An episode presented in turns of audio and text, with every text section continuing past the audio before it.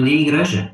Espero que, que estejam bem e que uh, conseguiram uh, pôr o, ou repor a hora de, de sono, que mudamos a, a hora esta noite.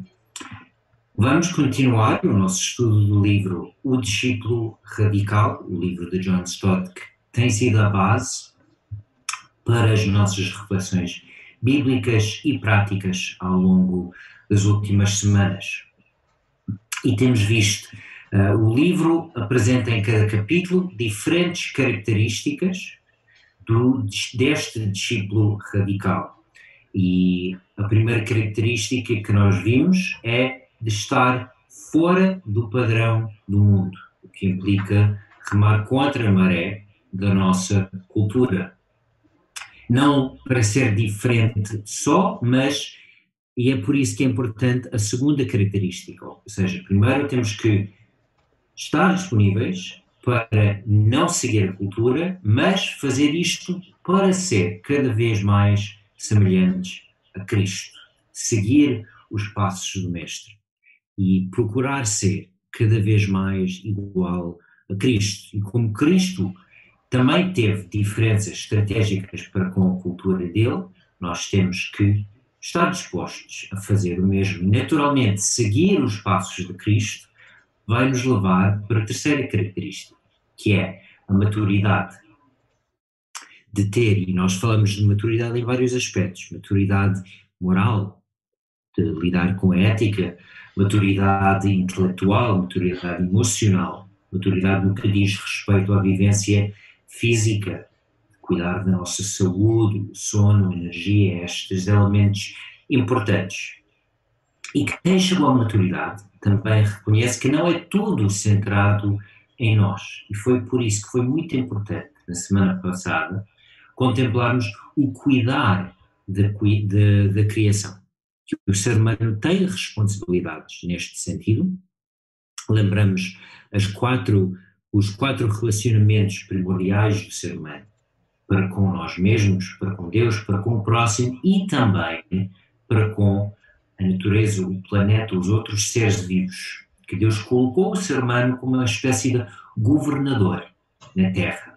E isto não foi invalidado, continuamos com a responsabilidade de cuidar da criação, mas infelizmente vimos no domingo passado que o que tem acontecido bastante é abusar da criação. Então existe uma clara tensão entre a nossa responsabilidade e o que tem acontecido, especialmente ao longo das últimas décadas, que hum, a globalização e, todos os avanços tecnológicos têm sido, por um lado, bons para a economia, para alguns aspectos da vida humana, mas não têm sido tão bons para com o nosso relacionamento com a natureza e que estamos a acumular uma certa dívida, que a biodiversidade está a cair, que a sustentabilidade uh, é algo que está a ser posto em causa e que nós temos que fazer parte da solução.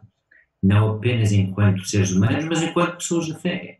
Pessoas que afirmam é Deus que criou o mundo e é cuidar da criação dele como um aspecto essencial da nossa fé que nos motiva. Então, uma das coisas que nós salientamos e que leva-nos para a característica seguinte, perguntamos: o que podemos fazer? E uma das nossas respostas foi cultivar a simplicidade como um estilo de vida deliberado e contagiante. E que se nós conseguirmos cultivar a simplicidade, é bom, vai ajudar neste cuidar da criação. Que se nós consumirmos menos, se nós conseguimos não fazer tanta coisa, não viajar tanto, não consumir tanto, que isto é bom para cuidar da criação e vamos também ver que é bom não só para o nosso relacionamento perante a criação, mas também para ajudar a humanidade e especialmente os mais necessitados.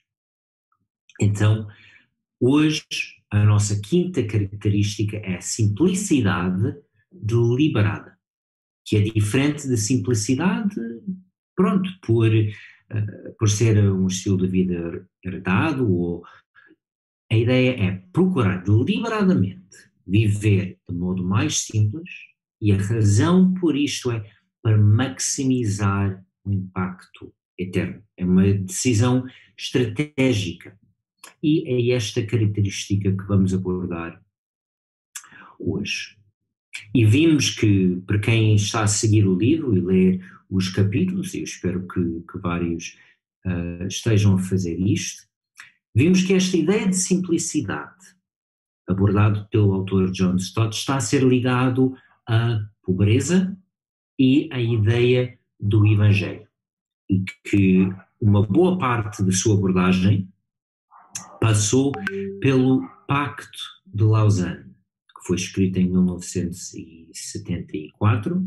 John Stott foi um dos principais autores deste documento, que aborda vários aspectos da fé cristã, que procurou criar um certo consenso entre os evangélicos, com as suas diversidades uh, teológicas e, em algumas áreas práticas, para chamar a atenção para alguns aspectos da fé onde nós temos que colaborar mais, estar mais unidos, e uma destas áreas é esta simplicidade, como maneira de combater a pobreza e de dar mais força ao evangelismo. Então, uh, o documento diz o seguinte: vamos ler o que Stott apresentou e também procurou garantir que isto é coerente para com as Escrituras.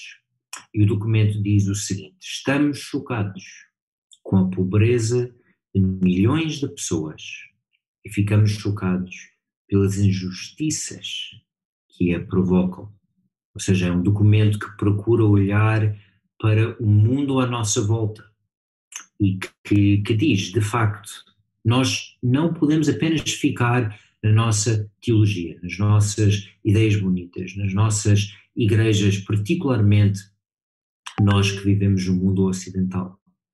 Mas temos que admitir, existem pessoas que necessitam de ajuda. Existem injustiças neste mundo que não só ajudam, a, ou que não só causam a pobreza, mas que fazem com que gerações de pessoas ficam num ciclo, sem muita possibilidade de sair destes ciclos.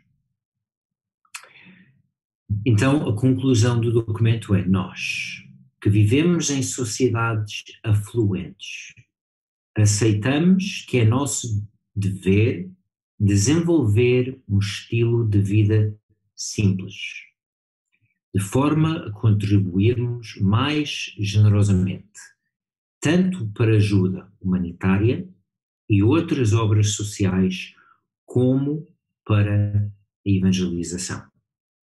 E é daqui esta ideia de cultivar um estilo de vida simples. Mas o propósito deste vida mais simples é uma simplicidade deliberada, é para poder contribuir mais generosamente. E nós vamos ver que isto é muito coerente para com o espírito tanto do Antigo Testamento como do Novo Testamento.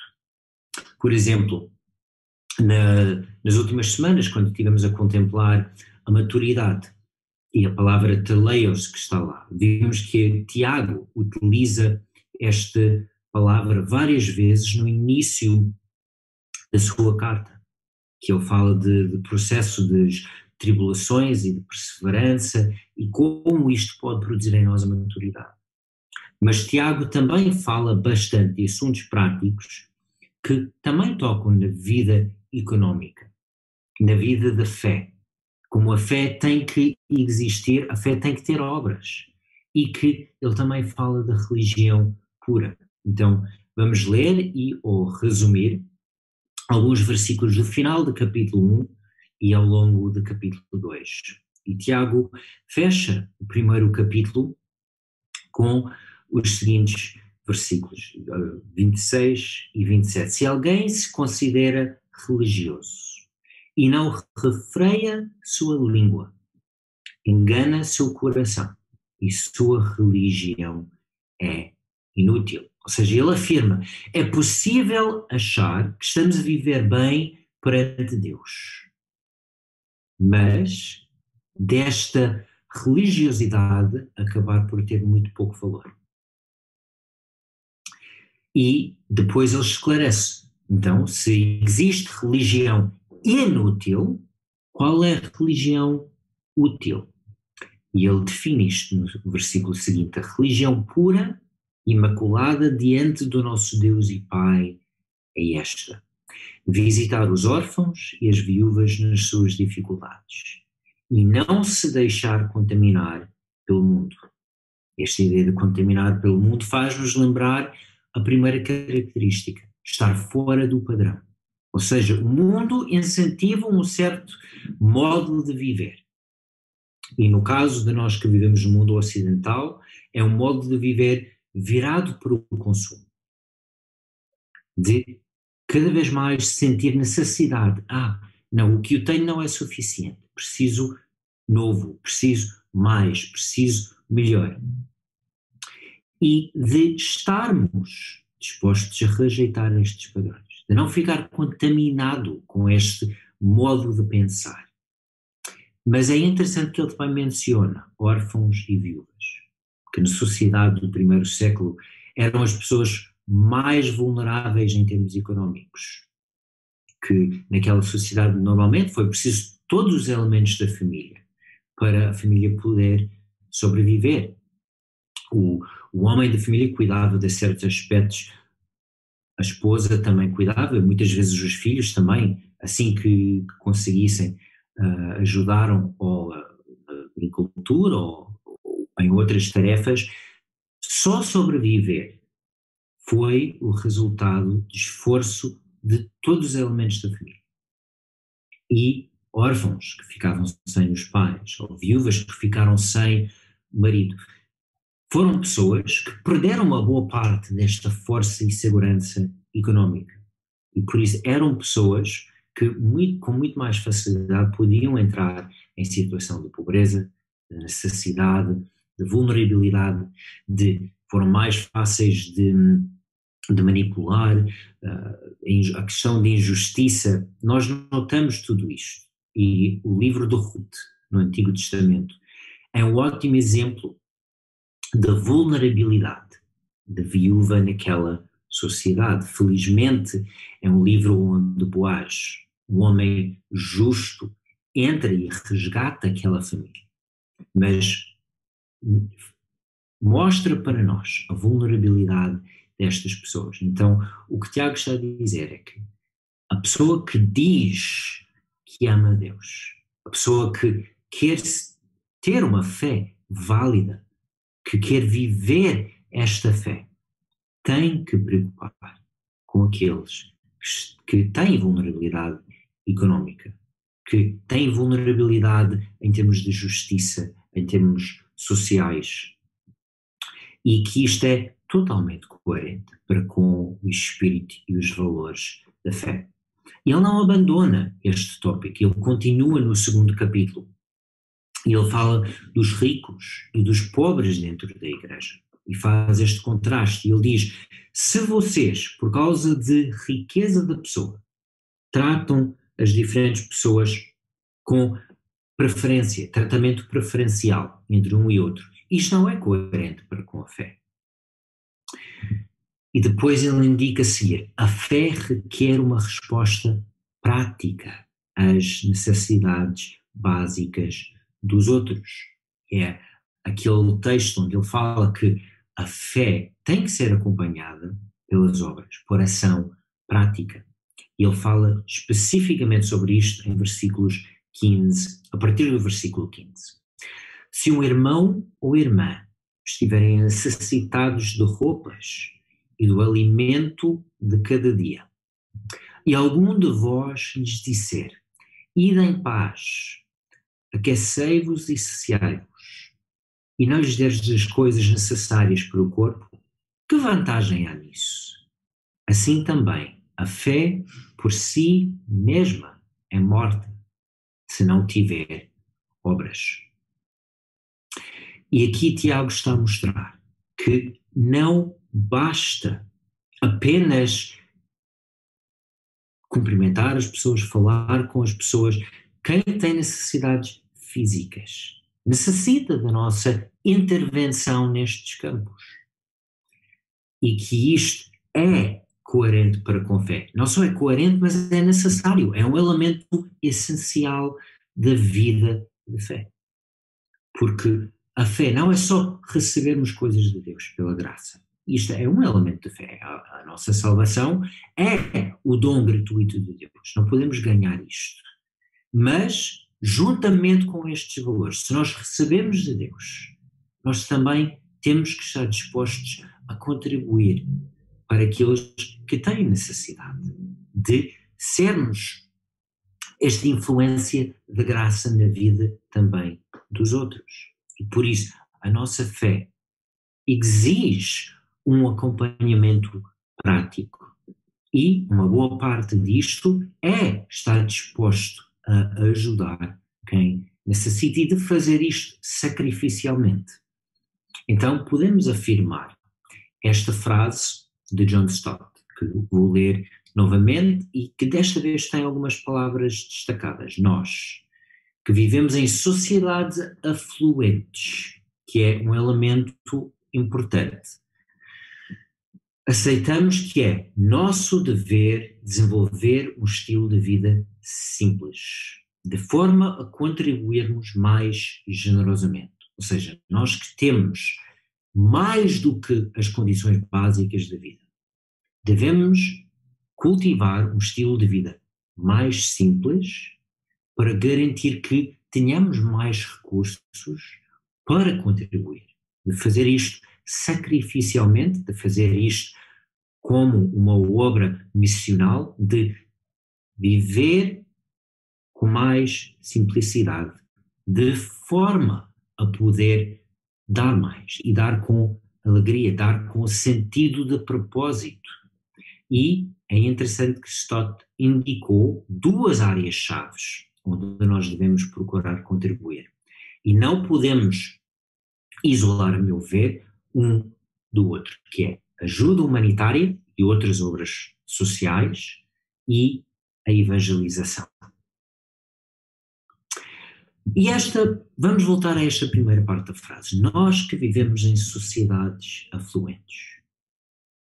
Aqui, talvez nós, em Portugal, não nos consideramos parte deste grupo das sociedades afluentes. Então vale a pena perguntar: será que Portugal é uma sociedade afluente?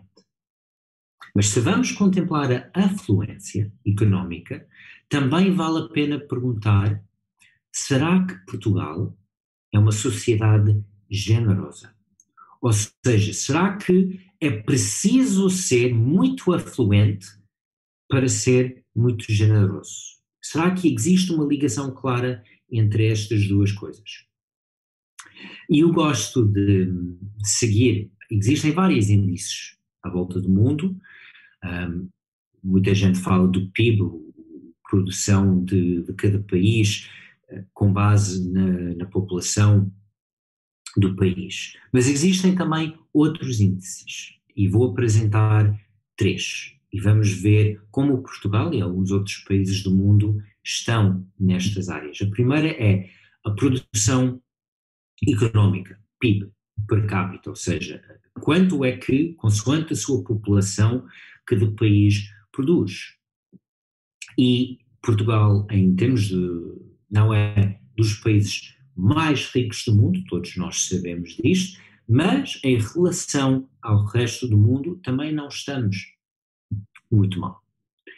É, então, talvez outros de, da América do Norte, da Europa, estão à nossa frente, mas que também estamos à frente de muitos países da América Latina, muitos países da Ásia e da África em termos de riqueza económica média por pessoa, porque é isto que o PIB procura, pelo menos, mostrar.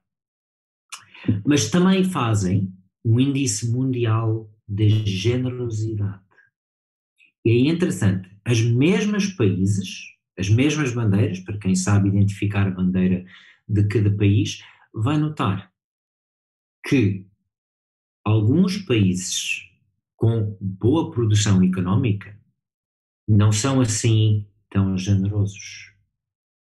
E outros países que não produzem tanto em termos económicos são muito mais generosos. E este índice de generosidade não é feito só com base na, no número de, de euros ou de dólares, ou seja o que for que é dado, mas é uma medida bem holística. Quem é que tem tempo e dá este tempo, faz voluntariado.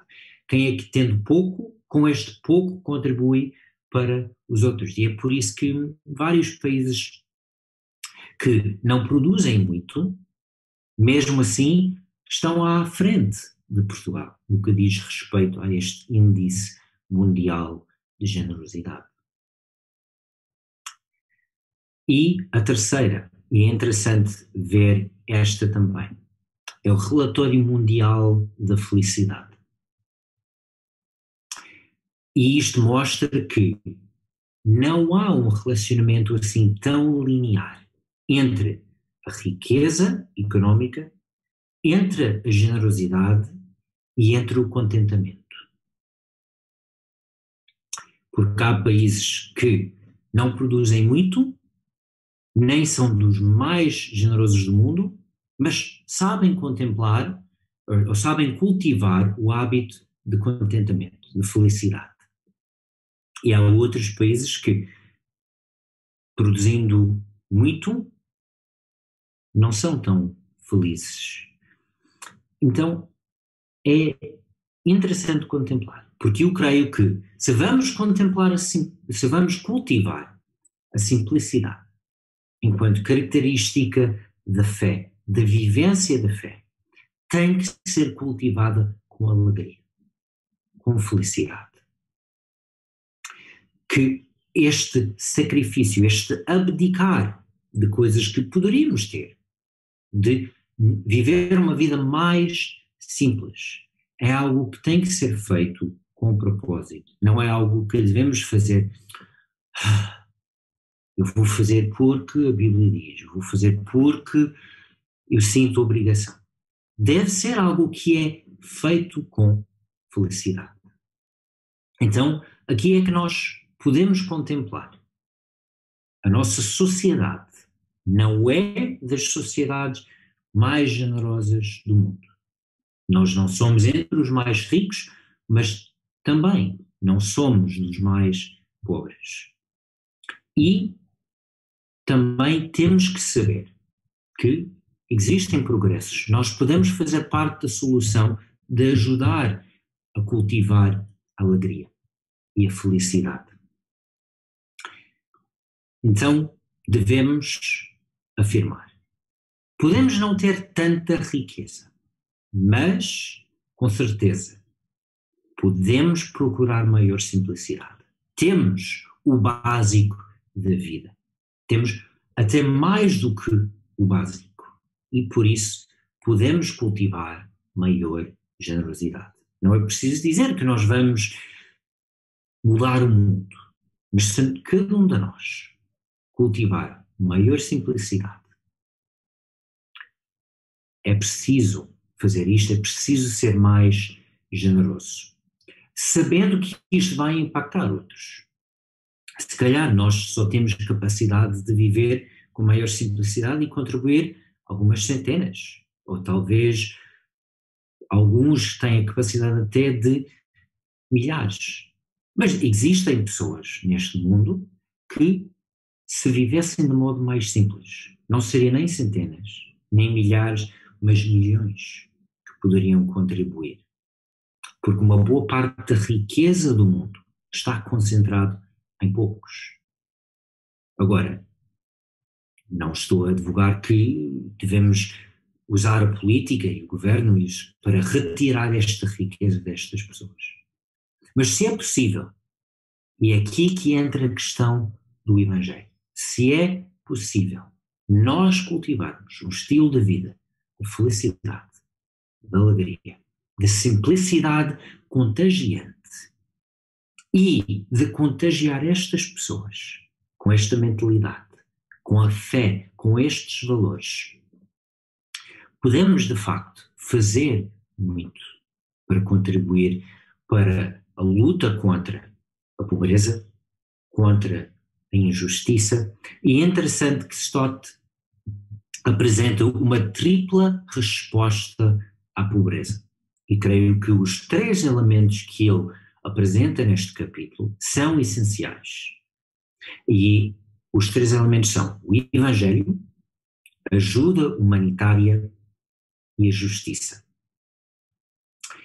E existe no meio cristão muitas pessoas que falam um pouco mal de, de justiça social, porque acham que há pessoas que procuram isto e não fazem tanto a favor da evangelização. E temos que dizer: é possível fazer os dois, é necessário fazer os dois.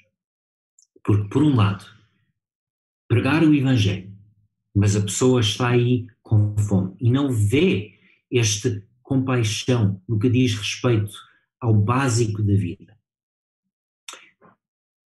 Vai ser muito difícil a pessoa ver a relevância do Evangelho, se não vê também este, como o Tiago falou, a fé que se traduz em obras. Por outro lado, apenas combater a injustiça e dar ajuda humanitária, mas depois esta pessoa ser perdida para toda a eternidade. É uma tragédia. Então, as, os três elementos são essenciais. Porquê?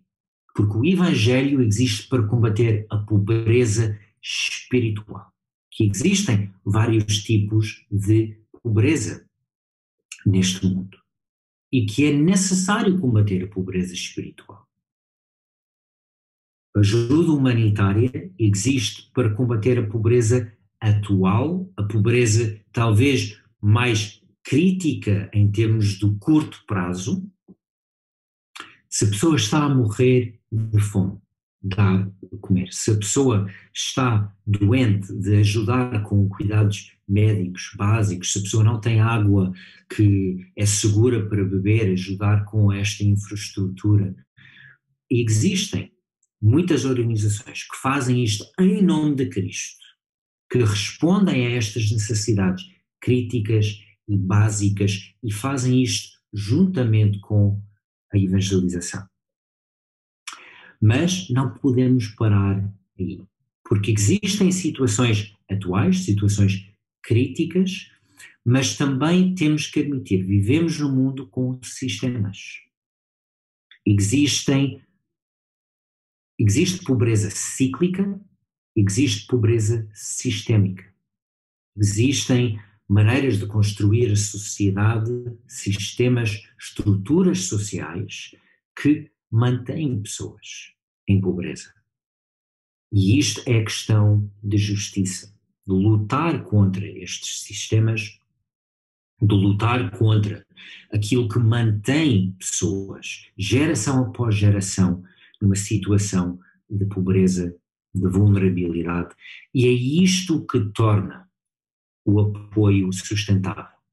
Então, assim nós estamos a pensar no presente ajuda que eles necessitam para sobreviver hoje, no futuro, de combater estes ciclos e sistemas injustos, sem esquecer da eternidade e da evangelização, que também é essencial. E é em prol destas três causas que nós devemos procurar a simplicidade. E para mim, o melhor resumo da simplicidade é aquilo que disse John Wesley. E ele resumiu em três verbos, cada um aplicado a tudo o que puder. Ganhar tudo o que puder. E isto vem de uma pregação dele. Depois ele explica que ganhar tudo o que puder é sem ser desonesto, é sem desrespeitar os valores da fé, sem estragar a saúde, mas é apelar à produtividade, que nós devemos trabalhar, usar as nossas capacidades para ganhar, de sermos produtivos, porque sem produtividade é difícil ser generoso. Mas depois ele fala de poupar. E é aqui que nós encontramos a simplicidade. Talvez, se nós ganhamos bem, se, se formos muito produtivos, poderíamos viver uma vida de luxo, mas contentar com menos. E de poupar tudo o que puder com a finalidade de dar, de doar tudo o que puder, de apoiar a obra cristã, de apoiar a evangelização, de apoiar a luta contra a injustiça. E isto é, para mim, um dos melhores resumos. É fácil de curar, é um desafio viver. Então, perguntamos: quão deliberadamente simples é o meu estilo de vida? É uma pergunta interessante. Talvez é uma pergunta que nós não pensamos muito, porque a nossa sociedade não pensa na simplicidade. Aliás, a nossa sociedade, o marketing, a publicidade, o consumismo que está à nossa volta, faz tudo para incentivar precisamente o contrário. Então, viver deliberadamente simples, este estilo de vida, é viver contra a cultura. E, para mim, faz muito sentido pensar assim, porque eu vi este exemplo dos meus pais. Que um, os meus pais, pronto, o meu pai trabalhou numa grande empresa e eu só cheguei a entender a simplicidade com a qual eles viveram um, quando nós fomos para a casa de alguém que foi, pronto, o meu pai foi o chefe desta pessoa. E eu vi, mas a casa deles é maior que a nossa casa. E os carros deles são hum, de uma marca de, de luxo e nós conduzimos um carro normal. Mas pai, não és tu o chefe dele? E foi daí que eu entendi que os meus pais tinham procurado viver um estilo de vida mais simples para poderem ser mais generosos. E eu creio que o essencial em fazer isto é para criar padrões que depois nós passamos à geração seguinte para mim faz sentido cultivar a simplicidade porque eu vi os meus próprios pais a fazer isto. E talvez para os nossos filhos e até pensar em gerações futuras, os netos, os bisnetos, viver vidas de simplicidade. Isto tudo pode resultar de uma escolha deliberada, de eu viver, segundo o conselho de Wesley, de ganhar tudo o que puder, poupar tudo o que puder para dar tudo o que puder. E de fazer isto para poder apoiar estes três elementos chaves que o Stott salientou: o evangelismo, ajuda humanitária e a luta contra a injustiça a luta a favor de justiça, que também existem. Boas organizações cristãs que fazem isto. O International Justice Mission é um desses, uma organização nos Estados Unidos que tem uma série de advogados especialistas em várias áreas de direito que procuram combater a injustiça à volta do mundo, especialmente questões de, de human trafficking, de, de tráfico de, de pessoas, especialmente crianças, pessoas que são abusadas e manipuladas e que lutam contra sistemas de injustiça. Existem muitas organizações cristãs que fazem ajuda humanitária e que fazem isto em nome de Cristo. Então, no que pode ser, no que nós podemos cultivar, quão deliberadamente simples é que nós podemos viver para nós apoiarmos estas causas. é algo que vale a pena refletir, especialmente nesta altura da Páscoa. Porque nós vemos em Cristo o exemplo máximo de abdicar.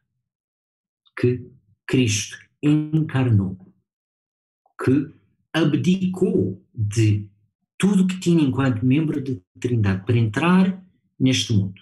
E não só entrar, mas sem culpa, sem pecado, de assumir o pecado de cada um de nós. De morrer a morte que não merecia. E de fazer isto para abrir a porta à vida eterna para todos nós. E se nós podemos abdicar de um pouco da riqueza, do conforto, das coisas desta vida, fazer isto sacrificialmente para poder fazer parte da solução para pessoas que necessitam de ajuda, que necessitam de justiça e que necessitam de ouvir a mensagem do Evangelho, de ver esta mensagem vivida de modo relevante. Então, creio que isto é algo que devemos fazer, em imitação de Cristo, e que é algo totalmente coerente para com a época de Páscoa que vivemos. Então, algo para refletir ao longo desta semana, como sempre, em imitação a Cristo e com espírito de alegria, procurando ouvir o seu espírito e o que diz no nosso interior. Uma boa semana para todos vocês. Um abraço.